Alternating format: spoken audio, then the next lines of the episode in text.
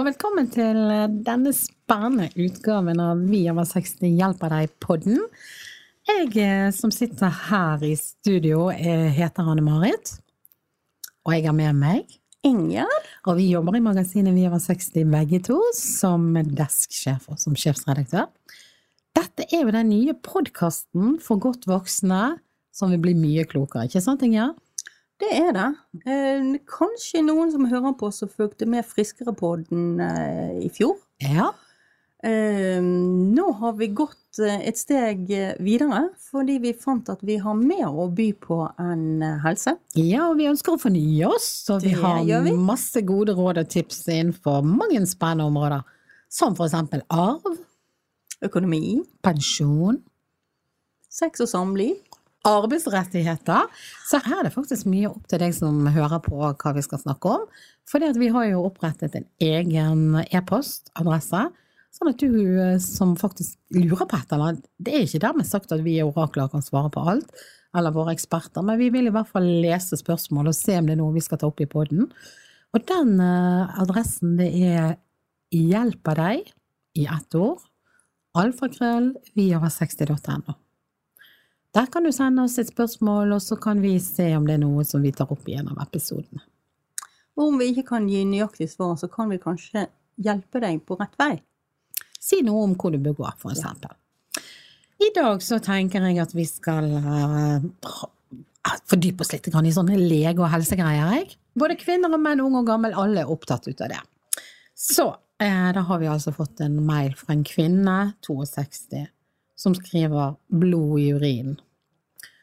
Og det er jo en alvorlig greie, mange som blir veldig engstelige når det skjer. Og hun skriver jeg er ofte plaget med urin, urinveisinfeksjon. Antibiotika har hjulpet, men den siste gangen glemte jeg å ta kontrollprøve etterpå. Drikker flere krus vann om dagen, blandet med eplesidereddik. Drikker også tranebærjus med lite sukker, går ofte på do. I vinter har jeg av og til oppdaget at jeg har én til to dråper lysebrun væske i trusen, sammen med svie i urinrøret. Jeg dukker opp når jeg reiser og har koffert med meg. Tok eh, urinprøve med meg til legen for å spørre om utredning da den lysebrune væsken bekymrer meg. Urinprøven viste blod i urin, men ikke synlig for øyet. Jeg kjenner meg frisk utover det. Jeg er veldig redd for kreft. Har lurt på om autoimmune sykdommer kan være årsaken. I parentes, jeg har PCB. Finner ikke annen ufarlig årsak når det ikke er protein i urin. Vet at Hiprex kan gi hematuri som bivirkning, men har hatt problemer før jeg begynte med det i vår. Inger, kan du eh, fortelle litt? Her var det litt fremmedord, og her var det litt forskjellig. Kan du eh, fortelle hva vår lege sier om dette? Det Nina Bryn, som er indremedisiner, sier For det første at de dråpene hun får i rusen, det trenger ikke være noe farlig. Det er ikke uvanlig at eh, du får noen dråper urin, eller det kan være utflod, som du får når du løfter tungt. Uh, hun snakket noe om en koffert som Ja, har når hun var løftet, reise. og- ja, Ja, hun merket det da når hun var på Um, og så er det riktig sånn, altså hun går på en medisin som kan gi et falsk positivt resultat. Det er helt riktig. Så det kan også være. Så kanskje hun må begynne med å ta en ny prøve. Um, for det som står, det er at hun har det som heter mikroskopisk hematuri. Det, det er rett og slett at hun har blødninger som du, du ikke kan se med øyet, som hun også sa. Du finner det under et mikroskop, altså Ja, når han blir analysert urinprøven din. Så ja, hun, i og med at hun har en autoimmun sykdom, så bør hun kanskje sjekkes for andre autoimmune sykdommer. Når du først har én sånn sykdom, så har du lettere for å få andre. Um, stoffskifteproblemer. Um, få tatt CT av urinveiene. Uh, og så kanskje få en henvisning til en gynekolog eller en urolog for å få undersøkt det nærmere. For det som er sånn generelt råd også, um, i en artikkel som vi har skrevet i VH60. Dette med diagnoser, hvorfor det er viktig, og hva eh, for verktøy er det for legen. Eh, Det er at du skal egentlig ikke slå deg til ro med at du ikke finner noe svar. Eh, Prøv å ha en dialog med legen om dere kan klare å finne ut av hva er dette for noe. Men når det er sagt, hun er jo redd for kreft. Det er veldig mange som er redd for kreft. Eh, ikke tenk det verste. Ja, for det, det er det som er litt sånn menneskelig, det å tenke det verste. Det gjør vi vel alle, i mange sammenhenger. Ja, det, det er lett for å, og som du nevnte i en tidligere podkast, du går inn og googler. Og går du da på de feile stedene, så kan jo du bli eh, veldig skremt. Ja, for det, det bør jo mange tenke på, at det er jo algoritmer som driver og, og får opp eh, svarene, ikke sant, når du er inne og søker. Og, og det er mange, mange får opp de samme tingene, ikke sant. Altså hva er det verste som kan skje, og så er det det første som kommer i synsfeltet. Så, så det å på en måte ikke påføre seg sjøl unødig frykt og angst, men rett og slett sjekke ut. Gå til allmennlegen, som eventuelt sender deg videre til noen spesialister. Ja. Da håper vi at uh, denne kvinnen uh, har fått det svaret og blir litt beroliget av det. Uh, så har vi fått en henvendelse fra en mann som er 73 år. Han har vondt under tåen, og det er jo faktisk et problem som mange har. Han fjernet vev under stortåen for eh, noen måneder siden av smerter. Men det har ikke hjulpet, han har altså like vondt. Han har kols grad 3, derfor så tok det lang tid før det var grodd skikkelig. Eh, Han har sjekket om det kunne være urinsyregikt, men det var det ikke. Han har gått på blodfortynn i to år og finner det rart at det er så dårlig blodsirkulasjon som er årsaken. Og det er jo bare under tåen at det er vondt. Hva sier vi? Da sier Garn Christian Andersen, som er ortoped, at for det første, alle inngrep i foten det tar gjerne lang tid å få leget. Eh, Opptil et halvt år. Eh, Hvis han ikke har vært til kontroll ennå, så kan han ta opp disse spørsmålene når han er på kontroll. Eh, Ja, det skyldes nok dårlig blodforsyning, siden smerten er så lokalt som han skriver, at det bare i stortåen. Eh, Det som er viktig at han er oppmerksom på, siden han har kols, og det vil også gjelde de som har diabetes, ta kontakt med legen hvis du mistenker infeksjon. Og egentlig så er det sånn generelt godt råd at eh, stell pent med føttene dine. Ja, for det er en del diagnoser som på en måte kan begynne som noe veldig sånn uskyldig, et sår eller et eller annet infeksjon på føttene, som ender opp med amputasjon. I verste fall, ja. Ja. Og spesielt hvis du har diabetes. Og med, med andre ting også, for det kan være at du mister følelsen i foten. Sånn at du, hvis du f.eks. har en Og det er jo tilfellet med, med eh, de som har diabetes, eh, som har hatt det lenge. Så kan du ha en stein i skoen som eh, ligger og irriterer, som du ikke legger merke til. Eh, Akkurat. før det, det, du har fått et sår. Så det å være litt eh, nøye, sjekke skoene før du tar de på deg, at du bruker eh, gode sokker og gode sko um, Og kanskje unne deg en time til en fotterapeut innimellom. Absolutt. Det tror jeg er en god investering, og du behøver ikke eh, nødvendigvis være i risikosonen for å unne deg det. Det er ganske deilig. Jeg tenker deilig. det, det er godt både for føttene og for hodet. Så, Inger, eh, til noe helt annet. Økonomi er jo noe som vi alle er opptatt av. Og eh, bolig, råd ved bolig.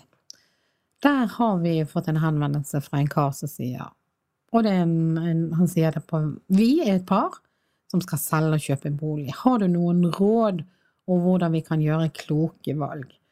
Og da tenker jo jeg, da er jo han kommet rett sted, for skal, de skal jo bli mye klokere i denne podkasten her. Så hva er det vår ekspert Karsten Offive og vi kan si her? Karsten Offive han gir følgende råd når du skal kjøpe bolig. Eh, nummer én, uh, selg før du kjøper.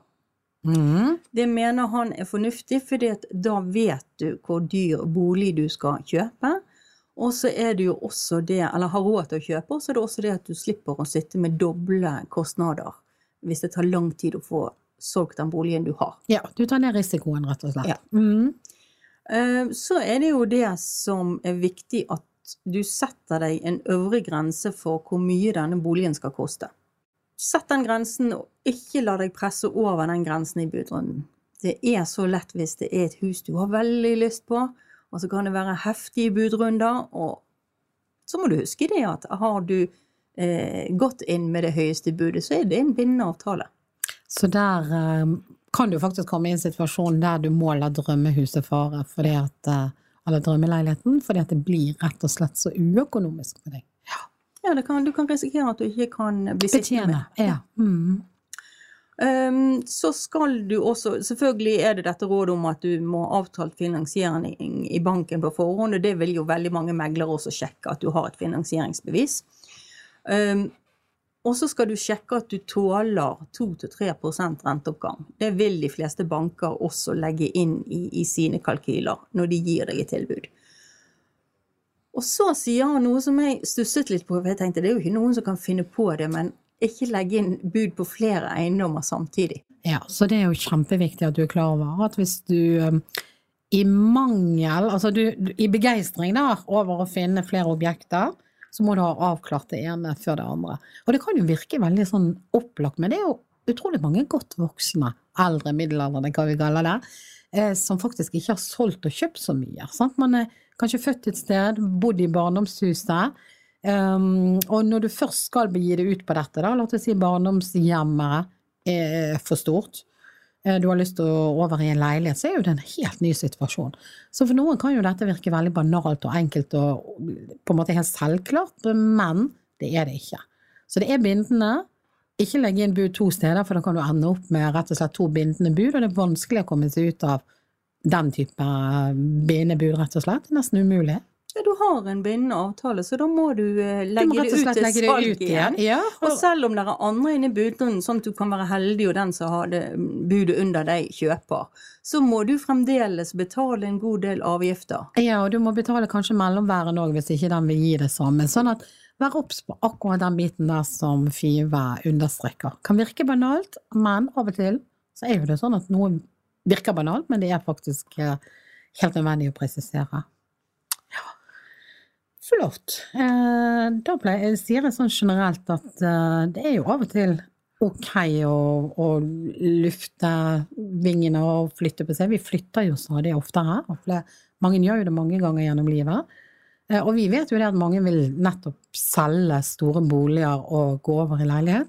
Og da er jo det en annen ting som mange må være obs på òg, og det er det at den drømmeleiligheten som du har lyst på, den er kanskje enda dyrere og mye dyrere enn det som er verdien på den gamle eneboligen som du sitter i. Så ha det i bakhodet.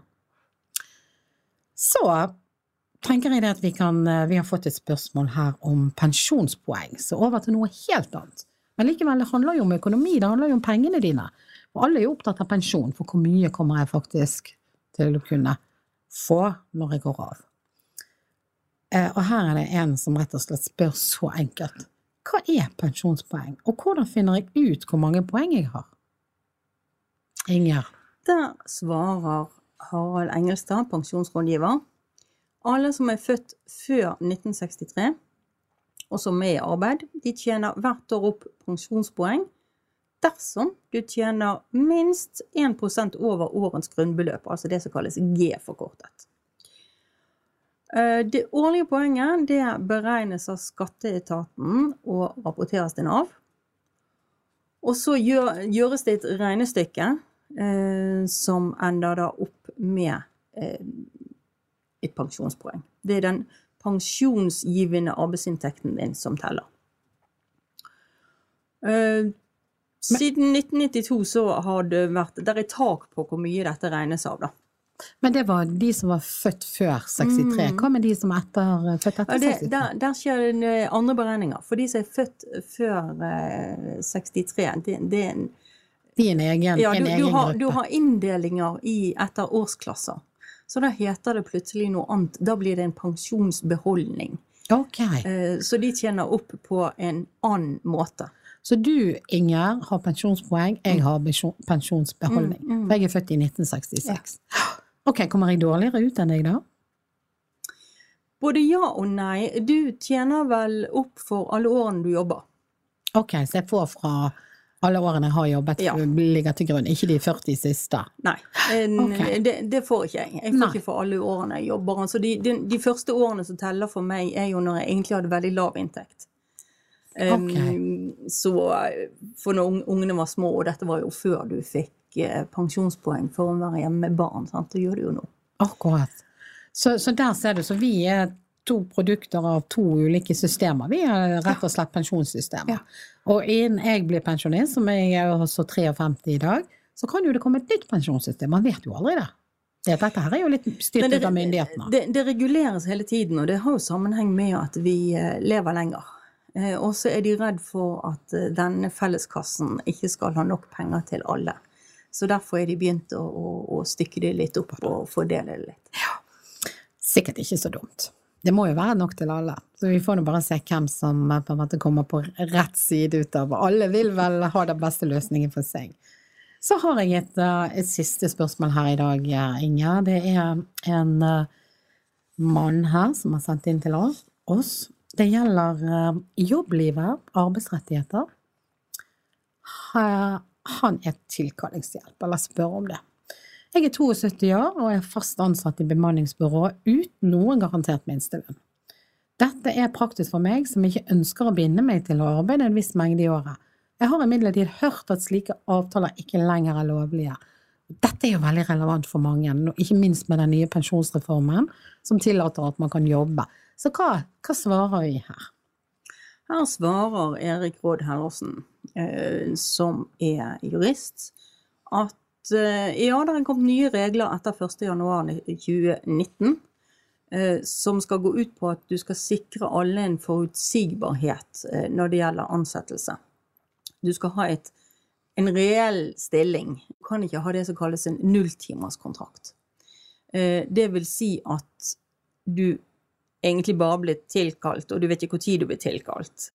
Dette tenker jeg er veldig relevant informasjon for mange som står i samme situasjon. Eh, Stadig flere de, de slutter jo, altså de enten så går de frivillig ut i pensjon, eller de må gå fordi at det er bemanningsendringer i organisasjoner og sånne ting. Og så starter jo de noen opp for seg sjøl og selger seg inn som konsulenter, og andre går til etablerte konsulentbyråer. Så dette er jo veldig interessant for mange, vil jeg tro. Det er det, og de, de største bemanningsselskapene har jo helt sikkert orden på dette. Helt de sikkert. følger regelverket og, og Sjekk opp der. Sjekk at det er en seriøs aktør. Det er jo et viktig eh, poeng å ta med seg. Finn ut hva slags eh, premisser du ansettes på. eh, Og så er det bare til å stille krav. Og lurer man på noe mer rundt dette, hvor er det man henvender seg da? Man kan henvende seg til en fagforening, f.eks. Ja, hva slags rettigheter Hva eh, slags rettigheter mm. du har. Eh, De vil eh, kunne svare på det. Ja. Eh, Sjekke arbeidsmiljøloven. Ta kontakt med en advokat som har peiling på, på arbeidslivet. Hva regler som gjelder. Eller du kan google, finne ut litt på internett. Vi, vi henviser jo ofte til det, for man kan jo finne mange gode ting der òg. Men vær obs, obs. Sjekk alltid kilden. Ja, fordi at sånne tråder der det er folk som gir informasjon etter beste evne, det er ikke alltid sikkert den informasjonen er korrekt. Nei. Så det at eh, vi slår et slag for å mm, oppsøke, være litt bevisst og kritisk til kilde kilder og informasjon. Og selvfølgelig dette med falske nyheter òg, bare ha det i bakhodet. Men i alle fall, eh, det fins mye god informasjon der ute. Men nå håper vi at vi i hvert fall har hjulpet så langt som vi har kunnet i denne podkasten. Da, Inger, tenker jeg at vi avrunder for i dag. At du som lytter på oss, syns at det har vært meningsfylt å bruke disse her minuttene her sammen med oss. Og så er vi på luften igjen, vi om en uke. Det er vi. Ja, og lurer du på noe i mellomtiden, så kan du sende oss en mail på Hjelper deg. Alfakrøll. Viva60.no. Ha det bra så lenge. Ha det. Ha det.